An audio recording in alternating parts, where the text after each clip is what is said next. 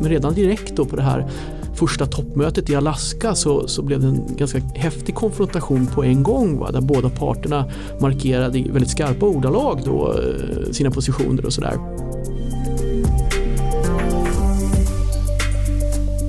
Så, och det här tycker jag, både när det gäller eh, eh, Trump-åren och framför allt med covid-pandemin så börjar man i allt högre grad beskriva USA som en stormakt som är på dekis. Man anser alltid att USA är en supermakt, stormakt som har, är lite, inte högre rang, men man, man har liksom centerposition om man säger så i världen. Men man beskriver USA som en stormakt som är på dekis där Kina då kan, kan komma ifatt och förbi.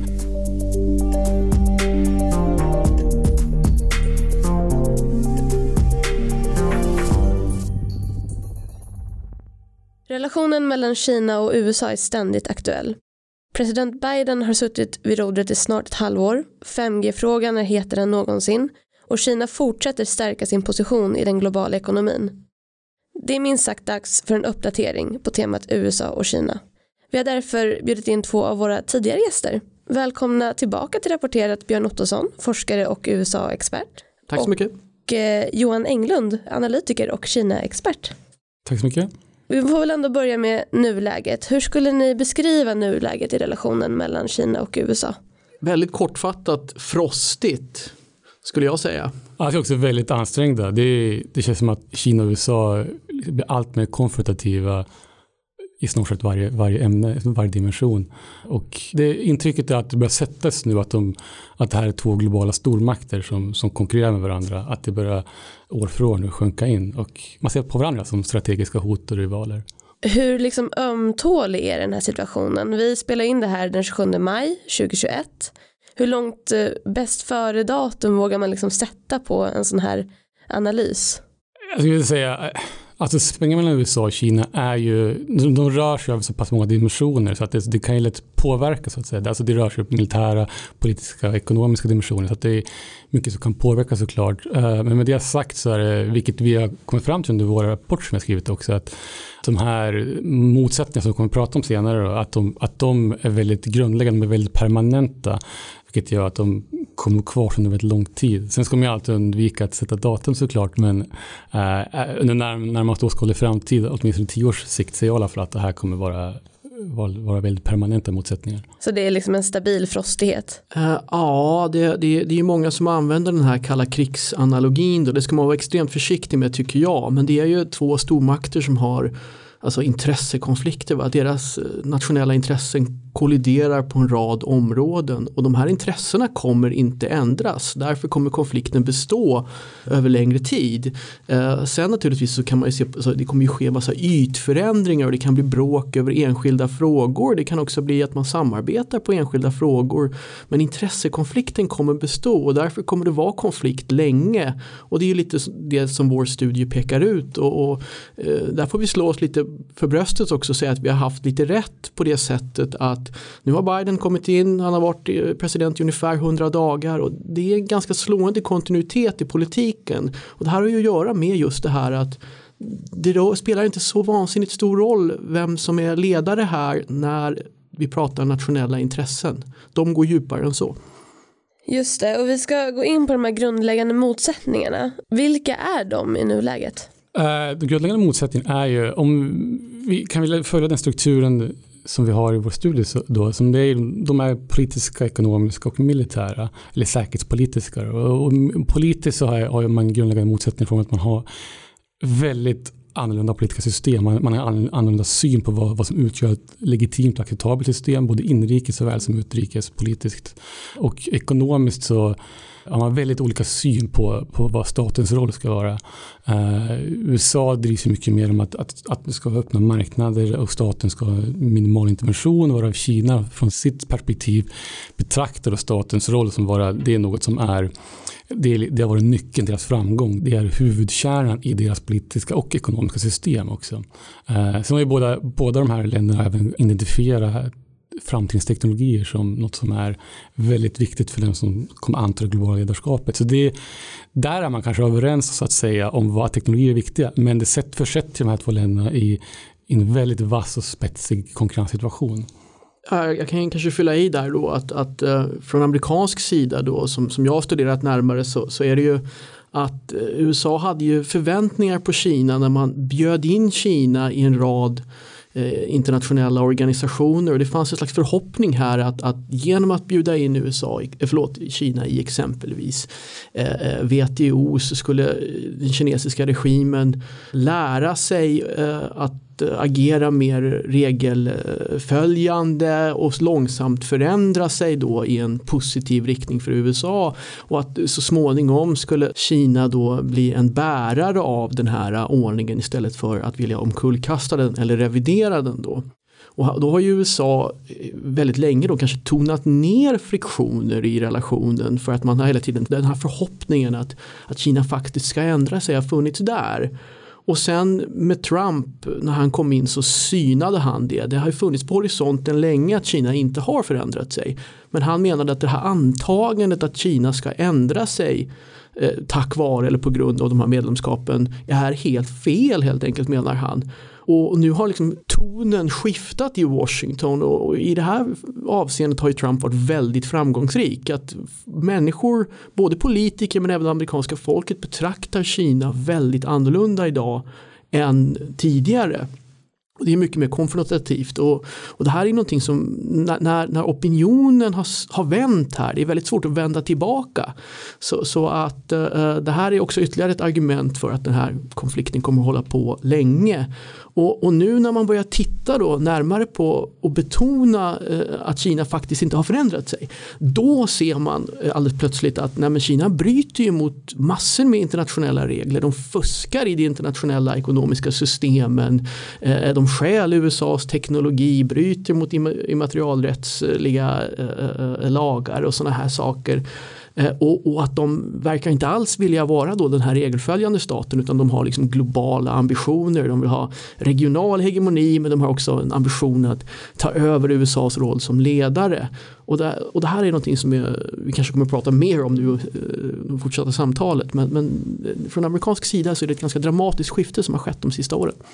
Jag lägga till också, som, som Björn är inne på, att det är, från amerikansk perspektiv uppenbarligen har det, har det kommit fram då, det är väldigt djup misstro, väldigt djup alltså, aversion egentligen mot Kina. Men, och från kinesiskt håll också, och det här ligger från båda hållen sett, att det finns en extremt, ska jag säga, väldigt djup misstro sinsemellan. Uh, man ser alltså att det den andra gör är dimensionerat och eh, utformat för att underminera den andra om man säger så. Och från svenskt perspektiv när man betraktar USA så ser man att deras agerande är en form av indringningsstrategi där man ska förhindra kinesisk utveckling, man ska förhindra Kina att ta sin, vad man uppfattar själv som sin rättmätiga plats i världen. Och det återigen, det skapar ju då den här väldigt, den här väldigt konfrontatoriska situationen. Sen det kan också vara värt att liksom, angående grundläggande motsättningar. Det finns det är lite svår, svårt att sätta finger på med det här kollektivism mot individualism. Mm. De här värderingarna skiljer sig också, också åt. Där finns det andra, där finns också sociala, kulturella och ekonomiska och historiska anledningar som vi kanske inte behöver gå in på helt. Men, men, men det ligger också skvalpar där i bakgrunden också som gör att de här ja, skilda man, mot varandra. Man kan ju fylla i där då att, att för vara lite mer kortfattad med det jag sa tidigare. Just det här, tidigare betonade man mer likheter. Va? Man såg likheter i varandra, i alla fall från amerikansk sida. Och nu betonar man liksom konflikt och skillnader. Just det. Eh, och det, det, det är ett intressant skifte då. Vilka likheter var det man betonade förut då? Ja, men det, det, är ju, det är ju intressant då från amerikansk sida det här med, med att det finns har funnits länge den här idén om att det finns en liten amerikan i alla som vill ut. Ja. så att säga. Att, att, om, om, om, att, att uh, den amerikanska visionen om ett gott liv delas egentligen av alla. I grund och botten. Ja, liksom. i grund och botten. Va? Så att om man då bjuder in Kina här eller Eh, du vet om människor får lite mer frihet då kommer de inse att det amerikanska systemet är, är, är rätt och gott ungefär sådär, va? väldigt förenklat då, men, men att det ligger någonting i det. Va? Och då har man ju trott att Kina faktiskt ska ändra sig, att när Kina får mer ekonomiska friheter då kommer det, det leda till tillväxt och den här tillväxten kommer leda till en framväxande medelklass och den här medelklassen kommer vilja kräva politiska friheter för att eh, på ekonomiska friheter följer krav på politik, man vill ha mer frihet helt enkelt. Det är så amerikanska liberala resonemanget går. Och då har man antagit att det, att det är så här det ska bli. Och sen visar det sig att Kina, deras ekonomi växer som det knakar men, men det här kraven och den här framväxande medelklassen verkar inte riktigt eh, kräva de här friheterna eller så, så trycks de ner då av, av, den kinesiska regimen. Men där finns det en slags likhet då eller en, en påstådd, en, en vilja till att det ska finnas en likhet. Ja, det är ett amerikanskt antagande och det, det gäller ju inte bara USA mot Kina utan det här har vi sett i massa andra fall, både historiska och i, nu. Men finns det några likheter i realiteten då? Alltså som inte är antaganden från USAs sida? Det på lite mer abstrakt plan finns det klart likheter att båda är två väldigt stora makter som, ser, som har egentligen ganska självcentrerad syn på sig själv i, mm. i vilken plats man har i världen. Man, man ser sig själv som väldigt det finns en amerikansk exceptionalism, den eh, som man pratar från amerikanskt håll, det tycker jag man ser absolut i Kina också. Man är exceptionell, man har rättmätig plats där man ska vara en stor aktör och, och ha ledartröja så att säga. Och vad det kan då innebära för, för hur man kan inte lösa konflikter, det, det är ganska svårt att säga om. Men ah, det är möjligtvis att man, att man ser att man är en stor aktör som drar sig in i, i stora frågor gör att man kanske kan för, möjligtvis kunna förbi sig kanske mindre frågor inom situationstecken mm. och därmed då ska kunna hitta ytor att kunna samsas om. Å andra sidan så från kinesiskt perspektiv är man inte alls lika hårdhudad när, om man jämför med USA när det gäller kritik. Utan man, man är väldigt, och det här har sett en, en stor skillnad på, sett en ökning på senaste åren. Att man, man är mycket snabbare och mycket mer hård för att, att bemöta kritik idag. Uh, ja, här får man göra åtskillnader också mellan eh, så att säga, regimerna och sen folken då. Och, uh, nu är inte jag Kina-experten då, men jag kan ju våga mig påstå då kanske att det här, den här båda kulturerna är i alla fall någorlunda familjeorienterade, man är hårt arbetande, man respekterar liksom entreprenörskap och sådana här saker. Så det finns ju vissa kulturella likheter i alla fall. Då, och, och eh, ett tecken på att de här likheterna finns det är ju att eh, Hollywood-storfilmerna, liksom amerikansk producerad kultur slår ju väldigt bra i Kina. Att det har ju kommit nu, lite grann på grund av covid då, men att för Hollywood är ju marknaden större nu i Kina än vad den är i USA. Och det, där ligger ju någon, någon, typ av likhet i alla fall. Alltså, det gör det, håller jag med om. Och eh, från Kinas håll sett så har man ju alltid en väldigt ambivalent syn gentemot USA. Eh, man har alltid beundrat faktiskt USA, att, som är den här, som har lyckats komma framkant i teknologiska områden, man har byggt upp stor militärmakt och som Björn är inne på det här, man, man, man har varit eh, en god entreprenörsanda och ja, man har byggt upp liksom en, en storhet om man säger så som, som Kina vill beundra men även irritera sig på delvis också för att det finns en skiljelinje där också som, som skiljer sig. Sen, sen, sen är det som Björn påpekar också framförallt när det gäller Kina att man måste väldigt mycket skilja på vad som är regering och vad som är folk, vad, vad folket tycker. Och det är mycket svårare att se om vad folket tycker för det finns inga, eh, det finns inga oberoende eh, undersökningar på det. Eh, alltså jag säger att det är väldigt svårt också det här att skilja på den eh, objektiva verkligheten, alltså de objektiva likheterna gentemot föreställningar. För att Eh, Eh, här har det ju handlat mycket om att när USA fortfarande hade den här politiken att man trodde att Kina skulle förändras då betonade man de här likheterna så starkt och då beundrade man kinesisk effektivitet och det var, det var väldigt många eh, opinionsartiklar som pekade på Kina lite grann som ett exempel på då att, eh, att och det användes också mycket för att kritisera det egna landet och att man, man skriver om ett annat land där, men att Kina är effektivt och Thomas Friedman känd utrikes opinions eller debattartikelförfattare eh, och kolumnist skrev jag tänk om USA kunde vara Kina för en dag vad mycket vi skulle kunna göra. Den typen av artiklar är mycket svårare att skriva idag då, för nu betonar man mer skillnaderna och vad, vad, vad som är det objektiva här det är väldigt svårt att, att peka ut. Ja, det känns också svårt att dra nytta av den här eh, likheten att båda är stormakter om man ändå inte är överens i sakfrågorna. Eh, ja, eller att man kan ju i alla fall se att man har en likartad roll. Ja. Det, alltså så här rolluppfattning om vilka utmaningar man har och sådär. Så att man kan, ju, man kan ju förstå motpartens intressen och varför de gör som de gör och sådär. Medan hade de varit helt olika då, då, då, kanske man inte, det är svårare att sätta sig in i den andras uh, dilemman, svårigheter och, och, hur de beslutar och sådär. Sen är det en massa missförstånd i alla fall. Men, men att man kan nog ändå som två storföretag eller någonting att man kan, man kan känna igen sig i varandra varandra som två konkurrenter. Ja, alltså det är ju, som säger, trots att det finns väldigt grundläggande motsättningar och missförstånd och till viss ökande kunskap sinsemellan så är det grann som Björn inne på det här att man, man kan nog i ökande grad tror jag kommer förstå sin roll när man är en global stor, stormakt. Att det finns, USA har ju alltid haft krav, eh, långt tid haft krav på sig att när någonting händer i världen då riktas blickarna mot USA. Vad ska, vad ska USA göra? Vad ska, hur ska USA agera? Det tror jag Kina i ökande grad kommer att känna kraven på sig själv också. Även om man har en grundsyn på, som skiljer sig mot USA eh, i vilken, vilken omfattning och vilken utformning man ska agera som stormakt. Vill man ha de ögonen på sig? Återigen, både ja och nej. Man är ambivalent. Man vill, man vill ta en global, större, en global större roll. Man anser sig själv vara, och är väl också en, en, en, en global stormakt idag.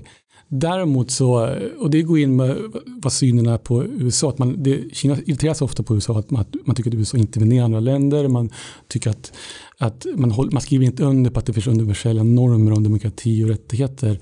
Så den rollen vill inte Kina ta där man går in och dikterar hur folk ska tycka och tänka i form av politiska system. Offentligt i alla fall. Däremot så finns det ju klart, det är sidospår såklart, men, men, men, det finns ju i sina bilaterala relationer så har man, har man visst tryck på, på, på länder att, att, de, att de inte bör eh, vara så att med, med kinesisk, eh, kinesiska intressen.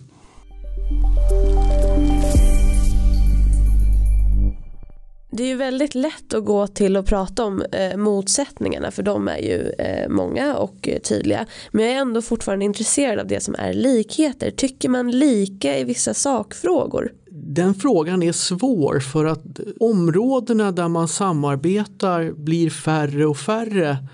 Eh, och, det har lite att göra med att, att man, har man konflikt på vissa områden kan det väldigt snabbt smitta över på andra områden och sådär. Det blir på grund av att den här kampen har blivit mer ideologisk.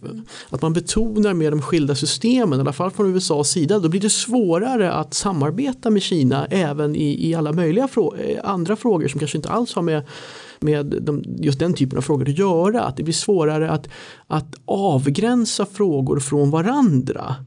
Så att i USA nu eh, så, så inom Biden-administrationen och det var likadant inom Trump-administrationen så får man en konflikt här mellan ska man eh, försöka nå överenskommelser med Kina i miljöfrågan eller ska man försöka pusha mänskliga rättigheter eller ska vi försöka nå någon typ av samarbete i ekonomi.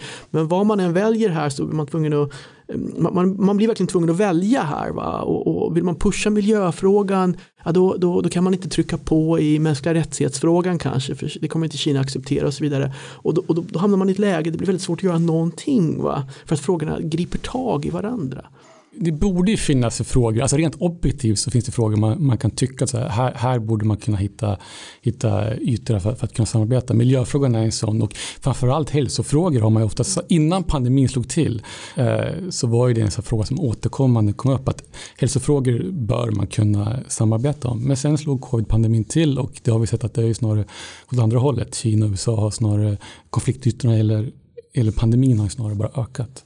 Ja, där var ju inte minst Trump väldigt högljudd eh, gentemot Kina. Hur skulle ni beskriva att relationen har förändrats på grund av pandemin? Ja, den, som helhet har den ju blivit betydligt sämre. Opinionsmätningar, alltså det amerikanska folket är ju rekordnegativt inställt gentemot mot, eh, Kina. Och Trump hjälpte ju till där med det också men, men det har skett en, en klar gradvis försämring och sen har det ju varit handelsbråk och sen nu har ju också man, man får inte glömma bort här att Trump var en oerhört kontroversiell figur va? Och, och när Trump var hård mot Kina så, så fick ju han liksom mottryckningar av, från det demokratiska partiet och från kanske ett medieetablissemang som var Eh, anti-Trump i stor utsträckning. Och till exempel då den här frågan om, om virusets ursprung. Då, då. Den, den frågan eh, liksom löstes väldigt snabbt. Va? Och nu, nu här bara idag, igår och sådär så har den börjat poppa upp igen på agendan här att vänta ett tag här, nu måste vi titta på det här igen i alla fall. Va? Och, och kommer den här frågan upp eh, då, då kan ju det försämra relationerna ytterligare om, det skulle visa sig att det här viruset då eh, inte härstammade från någon typ av mutation på, på en sån här wet market då, utan att det rör sig om någon labbläcka då. Och nu får ni rätta mig om jag har fel men det skedde väl också vissa handelsmässiga framsteg under eh, Trump. Ja, alltså det är klart att eskalerar man en handelskonflikt och sen når man vissa avtal ja. för att eh, det eskalerar, då, då är frågan om det är framsteg. Eh, men, men, men det är klart att förhandlingar har skett och pågår kontinuerligt. Då, då. Eh, och sen, sen är det ju så också att eh, det här handlar ju väldigt mycket om huruvida man köper det här argumentet, alltså därför amerikansk sida köper man argumentet att Kina faktiskt förändras, förändrar sig med de här handelsvillkoren eh, som är gynnsamma för Kina då. Eller är det så att, att de faktiskt inte gör det, utnyttjar Kina snarare sin position här.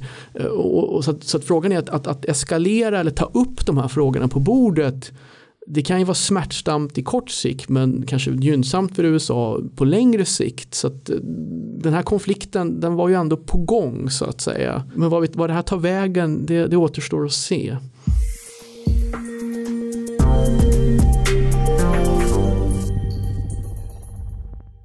Hur blir tonen i Kina när de får såna här eh, anklagelser från Trump till exempel? Du har ju förmånen att kunna mandarin till exempel. Vad, vad kan man läsa i de inhemska medierna och hur liksom skriver man om det här gentemot den kinesiska befolkningen? Det har ju ett litet skifte kan man säga under senare åren. Som jag var inne på tidigare så har man haft det generellt ganska, så här, ganska ambivalent syn mot USA som jag beskrev tidigare. Det, det är så att man å ena sidan beundrar man dem för det man uppnått. Å andra sidan så är man, är man väldigt irriterad över att man tycker att USA eh, blanda sig i deras inre angelägenheter och, och påtvinga ett system så att säga som, som man inte själv vill, vill ha. Under senare år så har man, eh, så, och det här tycker jag, både när det gäller eh, under Trump-åren och framförallt med covid-pandemin så börjar man i allt högre grad beskriva USA som en stormakt som är på dekis. Man anser alltid att USA är en supermakt, stormakt som är lite, inte högre rang, men man, man har liksom centerposition om man säger så i världen. Men man, man beskriver USA som en stormakt som är på dekis och där Kina då kan komma ifatt och förbi. Och det man betonar väldigt mycket idag, ska jag säga, det är man, man, man betonar USA som ett väldigt eh, splittrat, väldigt polariserat, väldigt kaotiskt land. Och det kan man ju göra också då för att legitimera sitt eget system, som att vara mer effektivt, vara bättre, vara, vara, vara ett mer medborgarvänligt, så de som, som, som kinesiska regeringen uttrycker det, ett system. Uh, och återigen, covid-pandemin har, har verkligen um, säga, givit vatten på kvarn för, för, för den tesen. Att gestalta USA som ett polariserat land ser vi också i att man gör det i svensk media till exempel. Men gör man det då på ett annat sätt i, i Kina, alltså mer med en annan ton? Man, gör, man pekar mycket mer på systemet, återspeglar en, eh, baksidor och defekter med demokratiska systemet. Ah, och på så okay. sätt kan man lyfta fram då det, mer, det enpartisystem som, som Kina har konstant och på, framförallt på covid-pandemin men också just under Trump-eran så pekar man väldigt mycket på att, diverse, att det var väldigt rörigt och det är någonting som, som inte sker i Kina.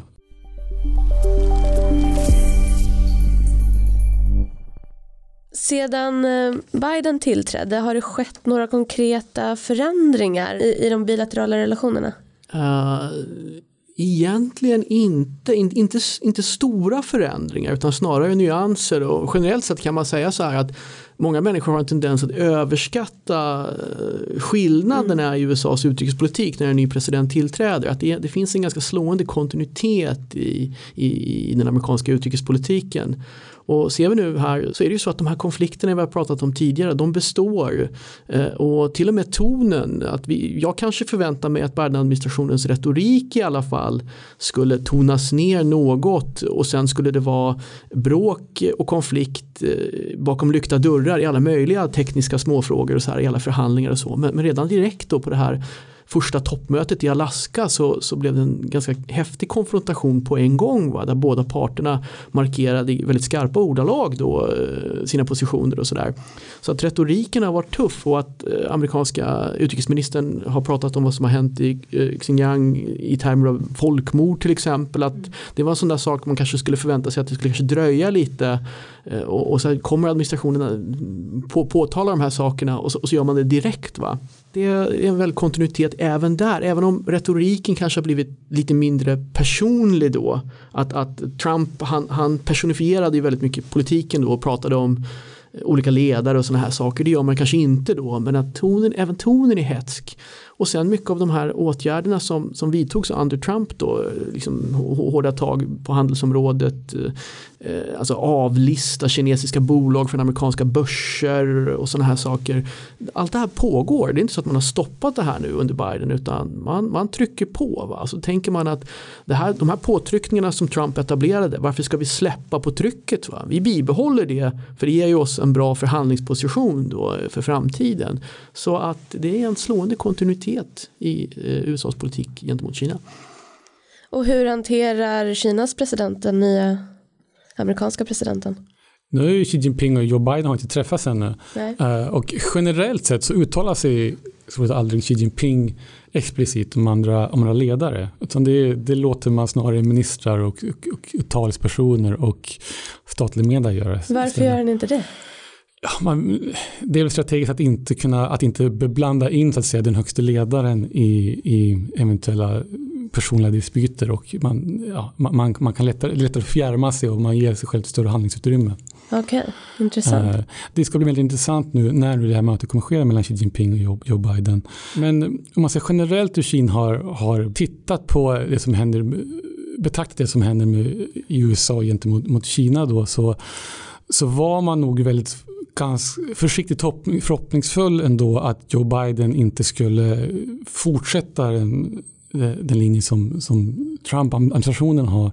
Nu har man inte liksom kanske samma exakta eh, spetsiga retorik om man säger så som Trump hade men, men, eh, men man har nog från kinesiskt håll börjat inse att säga, den här amerikanska motsättningen mot Kina den kommer vara permanent. Det var inte specifikt för Trump-administrationen utan man har insett nu att det här kommer vara mycket mer permanent och det, och man, det gör att man börjar positionera sig allt kraftfullare mot, mot USA. Uh, framförallt tror jag att man är väldigt orolig för. Det Biden gör ju att man försöker mobilisera demokratiska koalitioner gentemot Kina. Det är man nog väldigt orolig för mot Kina. Man kan se att innan USA haft möte med, med, med olika länder så har man varit innan och, och försökt varna de här länderna att inte gadda ihop sig så att säga med, eh, med USA mot Kina.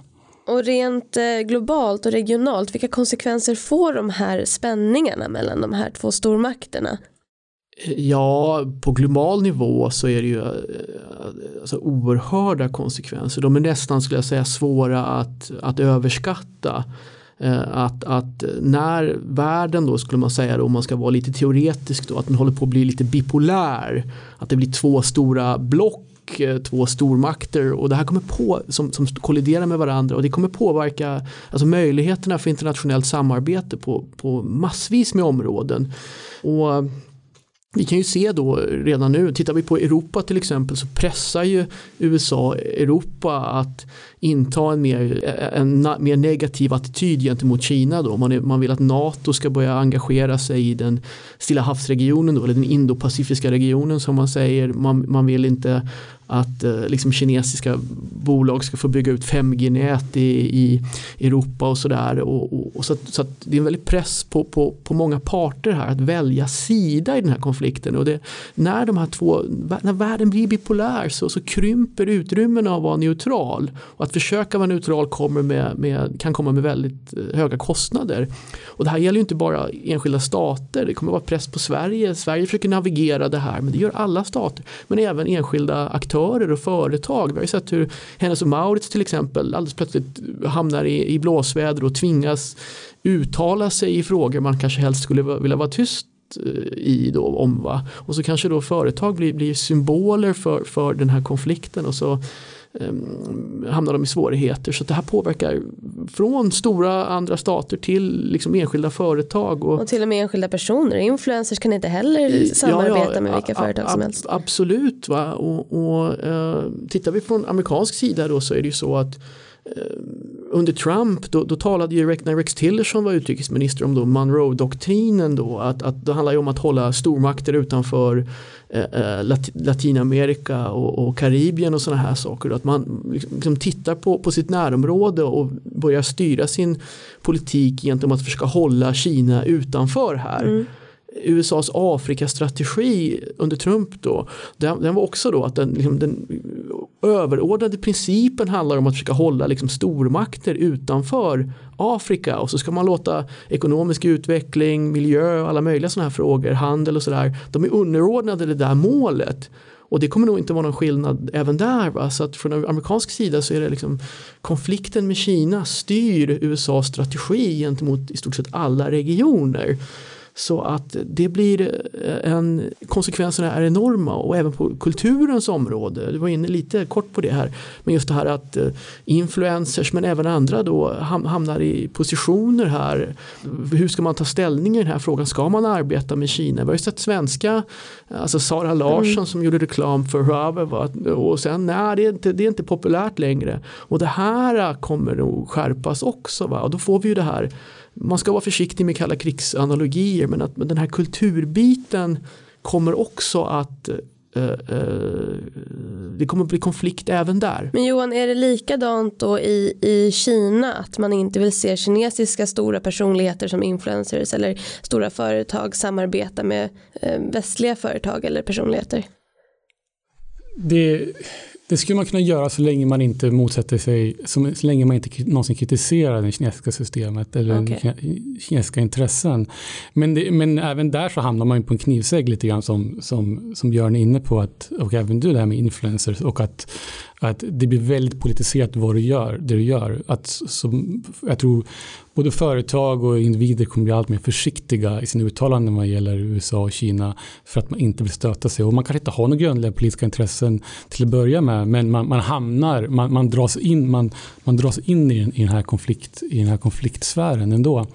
Eh, påverkan på företag är också väldigt intressant det här med att produktionskedjan, man börjar se att de eventuellt, när det gäller åtminstone strategiska sektorer som vi pratar om 5G och Huawei och framförallt halvledare har väldigt mycket pratat om senaste, senaste året, att de typ av strategiska sektorer eh, blir ju allt mer, tenderar att gå mot en riktning där, där det kanske måste tudelas eh, och där då företag kanske måste konfigurera om sina, sina, sina leverantörskedjor och kanske göra ett Kina-läger och ett västorienterat läge.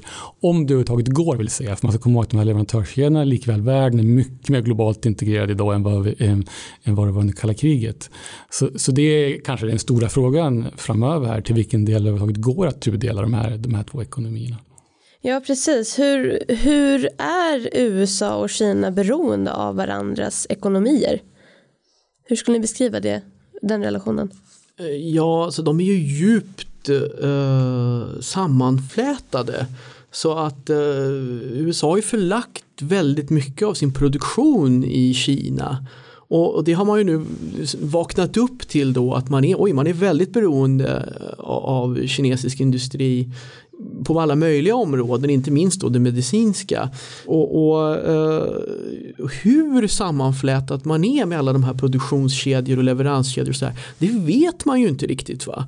Och, och, och globaliseringen har ju pågått nu i, i, i, decennier och många produkter de består ju av, det kan ju vara hundratals komponenter i en produkt som, är, som, som har olika ursprung och förfinats på olika ställen och sådär. Och ingen riktigt vet ju hur de här kedjorna ser ut för ingen har riktigt haft incitamenten att faktiskt noggrant kolla. Och det är extremt kostsamt att göra. Så nu försöker man ju, man försöker bilda sin uppfattning om hur sammanflötad är man och går det att nästla sig ur det här. Och från amerikansk sida så var det ju, man pratade om det här decoupling eller att frikoppla sig eller göra sig mindre beroende eh, under Trump och även lite kanske innan. Men då handlade det framförallt om, om Eh, eh, alltså produkter som var känsliga för den amerikanska försvarsindustrin och sådär. Men sen har det här kommit att vidgas eh, väldigt då, då, inte minst på grund av pandemin då.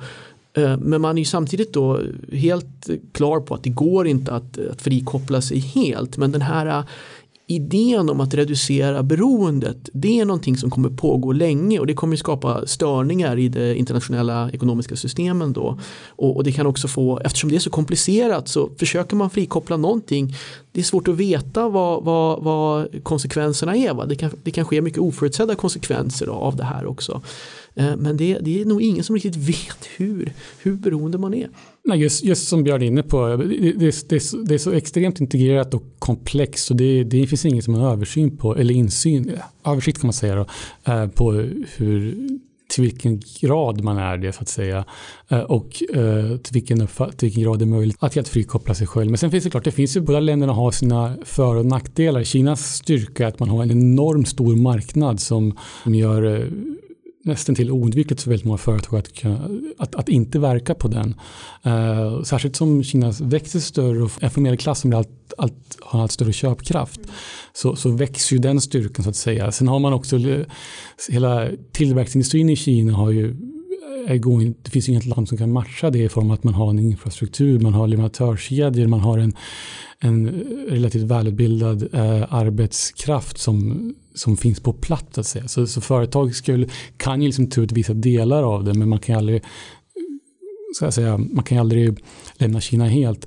Från amerikansk sida så är man ju ändå i, i framkant för väldigt många nyckelteknologier och många av de här teknologierna är det Kina vill ha. Så man inser att det måste man från kinesiskt håll fortfarande komma åt på något sätt. Så att säga. Kina vill ha sedan lång tid tillbaka att bli självförsörjande i, i, i vad man kallar nyckelteknologier. Det sträcker sig långt tillbaka från åtminstone 2025-2026 åtminstone.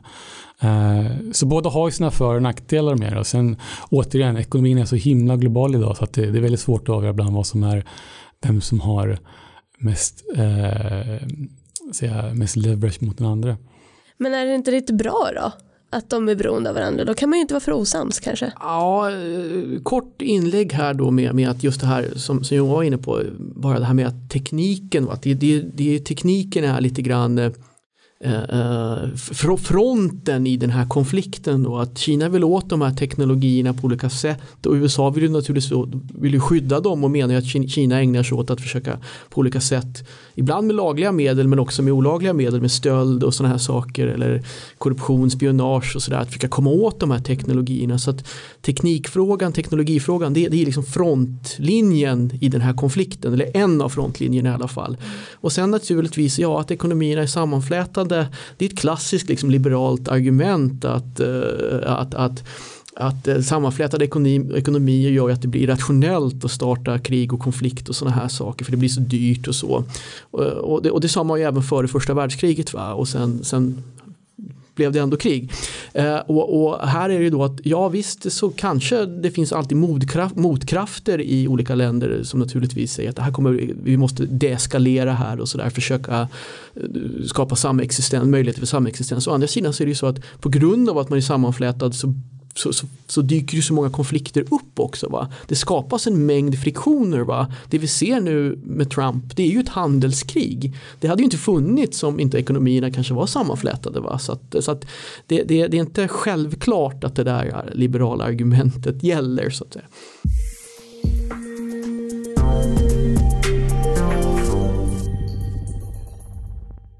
I rapporten Great Power Perceptions skriver ni att det finns olika uppfattningar om Kinas territorium.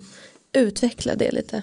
Ja, eh, ur kinesiskt perspektiv så är det mer att man, man ser kinesiska territorier som, eh, som strikt kinesisk angelägenhet. Mm. Eh, och det ska inte USA överhuvudtaget eh, blanda sig i. Eh, kortfattat så. Och eh, USA, eh, Björn får gärna fylla i här, men, men USA perspektiv man, man har ju ingen åsikt i suveränitetsfrågor allt som oftast men däremot så anser man att Kina var alltför hård för alltför kompromisslös i hur man hävdar de här territoriella anspråken gentemot andra länder. Um, Ja, det här återknyter ju till det vi sa också tidigare om de regionala konflikterna eller regionala konsekvenserna av den här konfrontationen och då är det ju så att USA har ju en rad allierade eh, runt, som ett bälte runt Kina. Och Kina eh, vill ju, de ser ju sig själva som att USA försöker ringa in dem. Och att eh, många lyssnare här vet ju säkert om de här att Kina bygger konstgjorda öar och hävdar de här olika territoriella anspråk kraftigt för att kunna flytta ut sina positioner och på de här konstgjorda öarna så, så placerar man ju då eh, olika typer av missiler och, och sådana här saker Eh, och det här handlar ju mycket om då att kunna, man, man vill inte vara sårbar för den amerikanska flottan och sånt här. Och, och staterna som finns då runt eh, Kina här, de är ju en väldigt, de är ju, menar, deras säkerhetspolitik handlar ju väldigt mycket om relationen till Kina. Och kan Kina på något sätt skärma av många av de här öarna eller liksom flytta fram sin position så kommer det bli svårare för USA att komma till undsättning fortsättning va, om någonting skulle ske. Va. Det här gäller framförallt Taiwan-frågan då. Va. Eh, och, och, och, om det är så att nej, Kina har, har byggt upp ett så avancerat försvarssystem här och avstånden är så enorma här vid Stilla havsområdet att det är svårt för USA att komma fram i tid. Då kanske de här staterna i, i regionen de kanske måste eh, kalkylera om eh, sina strategier och sin inställning gentemot Kina. Så att, att genom eh, att göra det här så, så kan Kina förändra den strategiska kalkylen för många länder i området. Så USA är inte direkt involverat i det liksom, och tar ställning i den juridiska frågan angående en specifik ö. Däremot så ser de att Kina flyttar fram de här positionerna och det får de här konsekvenserna och därför rustar USA upp sin flotta då och vill försöka utveckla system för att kunna ta sig in nära Kina snabbt. Va? Det är det mycket liksom, de amerikanska försvarsdoktrinerna och sånt där handlar om just nu. Då. Just det. Och vilka frågor kommer vara heta potatisar de kommande ett till två åren? Vad kommer vi få höra mer om i media till exempel? Alltså teknologi, teknologin eller den, den, ligger i centrum väldigt mycket för, för, för konflikten mellan USA och Kina. I alla fall för att båda, båda länderna som jag var inne tidigare på, de, de ser att framtidsteknologier är det, är det är det som avgör huruvida man. Mm. till vilken grad man kommer kunna ha inflytande i världen. Uh, sen är, tror jag, Xinjiang-frågan kommer, kommer, inte, kommer, kommer inte Kina komma ifrån utan det, det, vi ser en allt större press från omvärlden och, och Kina stretar emot allt mer där också. Men den, den frågan kommer vara väldigt het tror jag. Sen Taiwan-frågan kommer inom närmsta åren. Så här, Taiwan-frågan är nog den frågan, om det finns en fråga där, där Kina och USA skulle kunna hamna i krig om så är nog det, det den främsta frågan. Uh, uh, inom, inom ett, två år är det inte sannolikt alls, men, men den spänningen kring Taiwan kommer också öka. Inte Hongkong? Jo, Hongkong också kommer vara där, men, men någonstans finns det mycket det finns mycket mindre USA kan göra vad gäller Hongkong idag. Hongkong ingår ju trots allt under kinesiskt suveränt territorium. Eh, men givetvis kommer Hongkong fortsätta att puttra upp som någonting USA och Kina inte håller, inte håller med varandra om. Ja, inom de närmsta en, två åren pratar man också om det här vad som kommer komma upp i media så kan det ju vara så att vissa sådana här bråk om olika teknologier kanske inte alltid hamnar i media på samma sätt som en del andra saker som säljer bättre då. Men Taiwan-frågan som vi var inne på, definitivt. Det här beror ju på lite grann vems media, vilken media. Va? Så i, i Stilla havsregionen och i Australien och sånt, där, där handlar det ju väldigt mycket om närområdet och eh, de, den typen av frågor. Det skriver vi inte så mycket om i svensk press då. Arktis är också en sån där fråga som kanske när, när isarna smälter där uppe så, så förändras det strategiska landskapet och, och, och, och, det är någonting vi kommer att höra mer om. Det är ju redan ett ganska sådär hett område då. Eh, men, men jag, jag, tror väl att just när man tittar på media så tror jag ju att den här ideo, de ideologiska frågorna och de här kulturfrågorna att, att många menar ibland att kulturen går lite före andra saker. Att just eh, bara häromdagen då när, när John Cena då den här kända showbrottaren som försöker bli, bli filmstjärna då Eh, eh, ska göra, lansera den här Fast and Furious-filmen då. Det här återknyter till det vi har talat tidigare då. Ny, ny, ny, ny film eh, om, om det här bilgänget då. då. Mm. Eh, som är väldigt populär i Kina då. Han råkar in en, på en presskonferens i lanseringen av filmen säga att Taiwan är ett land. Varpå då Kina, Johan var inne på att kineserna är väldigt eh, snabbt eh, kritiska här. Och då är det ju risk för att filmen bojkottas då. Då, då går ju han ut och säger på, på mandarin här håller en presskonferens där, där han ber om ursäkt och sådär. Och då så hugger ju då amerikanska medier på att den här eh, showbrottaren liksom fjäskar för Kina. Va? Och det här, det här blir på något sätt en mm, vi kommer se mycket mer av den här typen av saker. Va? Där, där liksom mänskliga rättigheter, eliters relation, amerikanska eliters relation till Kina och så vidare. Det här spektrat tror jag vi kommer, det kommer bli mycket mer den typen av historier som kommer dominera det massmediala landskapet. Då. Ja, det tror och, och som man väljer ut en enskild, alltså inom en, två år är ju, ska man välja ut en enskild händelse kan jag tänka mig, Peking ska arrangera vinter-OS här nästa år. Och där börjar det komma röster här och var i världen om att eh, huruvida man ska bojkotta det här, det här, de olympiska spelen eller inte. Och det, det ska bli intressant att se var, var USA landar där. Eh, om man kanske, man kanske kommer fort, ändå skicka sina idrott, idrottsutövare men man kanske inte skicka sina repres politiska representanter dit. Eh, så det är en fråga jag kan tänka mig att i media kommer diskuteras i, i tilltagande grad.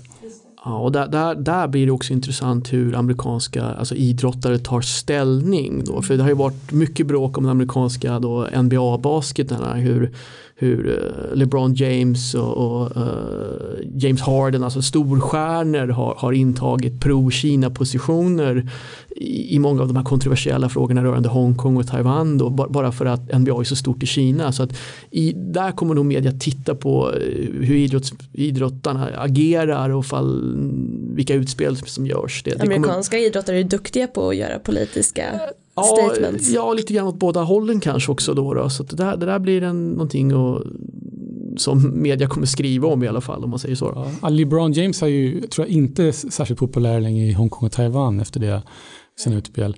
Uh, men alltså, i USA som sagt han är väldigt aktiva i, i de sociala frågorna. Har ni några personliga favoritfrågor som ni ser fram emot att följa? Ja, det, det, det, är svårt. Alltså det här, det, för det första är det ett fantastiskt privilegium vi har som får ägna eh, vårt arbetsliv åt att studera de här frågorna. Sen nu här på FOI är ju vi, vi, vi, vi är ju säkerhetspolitiskt orienterat så att jag gillar ju att följa de frågorna och alltså, liksom den militära utvecklingen och vad som sker. Det, det är ett spår som jag tycker är väldigt spännande teknikfrågorna är också superheta och intressanta. Men sen också de här kulturfrågorna är också väldigt, väldigt spännande. Då. Även om kulturfrågorna kanske är lite mer mitt personliga intresse och sen säkerhetspolitiska frågorna blir mer mitt professionella intresse. Då. Men allt påverkar varandra? Kan det påverkar varandra. Det är svårt, som sagt det är väldigt svårt att hålla de här sakerna isär. Mm. Men det är kul att följa. Även om det är utomordentligt allvarliga frågor också. Ja, och det här är en enorm relation. Nu, alla relationer, alla bilaterala relationer har såklart en enormt spektrum av diverse frågor. Men när det gäller USA och Kina så är det, det täcker verkligen allt känns det som. Mm. För att det, det tar in regionala, globala, lokala perspektiv på, på ett sätt som, som andra bilaterala relationer inte mäktar med. Uh, jag tycker angående särskilda ämnen i sådana fall, jag menar Taiwanfrågan kommer fortsätta vara väldigt, väldigt intressant att se hur, hur, hur den kommer gestalta sig. Sen som Björn är inne på teknikfrågan och vad som kommer hända med den här produktionskedjan. Till vilken del överhuvudtaget är möjligt eh, att rekonfigureras eller ja, det, vad som kommer hända med dem helt enkelt. Eh, och det kommer ta mer än ett par år innan, innan, innan vi vet svaret på det såklart. Och vilka lästips vill ni ge lyssnare för att man kanske ska få en mer flerdimensionell bild av den här relationen? Uh, ja, det, det, jag täcker ju framförallt då eh, amerikansk politik och då blir det väldigt mycket amerikanska statsvetare, amerikanska politiker och sådär uh, som, som skriver då. Och, och det, det, det, det, är, det, är en ganska svår fråga för att vi har det här som, för att återknyta det till, till vad som sades i inledningen, det här att under 90-talet och, och, eh, många år framåt så hade man en väldigt positiv bild på Kina. Att Kina var, skulle förändras. Va? Så då, det var många texter som, som, och böcker som, som poängterade det. Och sen nu har vi fått den här omställningen och nu, nu får vi mycket alarmistisk liksom, litteratur då, då, då många poängterar de här skillnader skillnader, konflikter och kommande krig och sånt här. Så, där, där många går lite kanske alldeles för långt. Va? Så det kan bli onyanserat åt andra hållet. Då.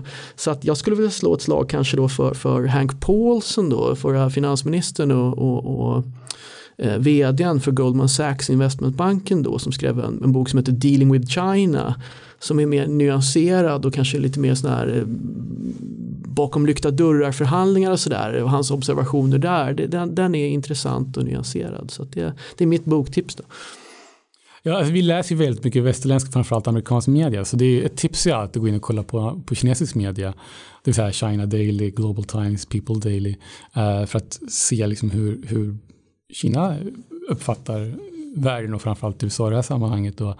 Sen kan, det finns en artikel som vi också använt i den här i vår, i vår studie av en, en kinesisk forskare som heter Meng Wei Zhan. Uh, eh, som heter, artikeln heter Is China's International Relations Academic community becoming more anti-American.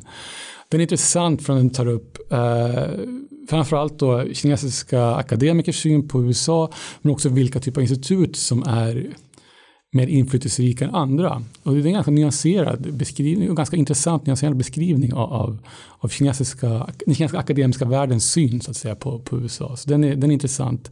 Så jag kan, kan också rekommendera en bok som två Wall Street Journal-journalister har skrivit om, om USA-generationen. De heter Bob Davis och Wei Ling Ling och boken heter Superpower Showdown How to Battle Between Trump and, a, and Xi Threatens a New Cold War. Uh, och där går man då igenom från båda perspektiven så gott det går hur förvecklingarna fortlöpte när, när, när Trump kom till makten och det här handelskriget med USA och Kina. Ja, och så skulle jag naturligtvis vilja tipsa om vår rapport då, såklart. Uh, lättillgänglig på FOIs hemsida då, så det är bara att ladda ner. Great Power Perceptions. Eh, vi länkar såklart till alla lästips på www.foi.se rapporterat. Tack för att eh, ni kom hit. Eh, jag är övertygad om att vi får anledning att återkomma till det här ämnet i framtiden. Tack så mycket. Tack så mycket.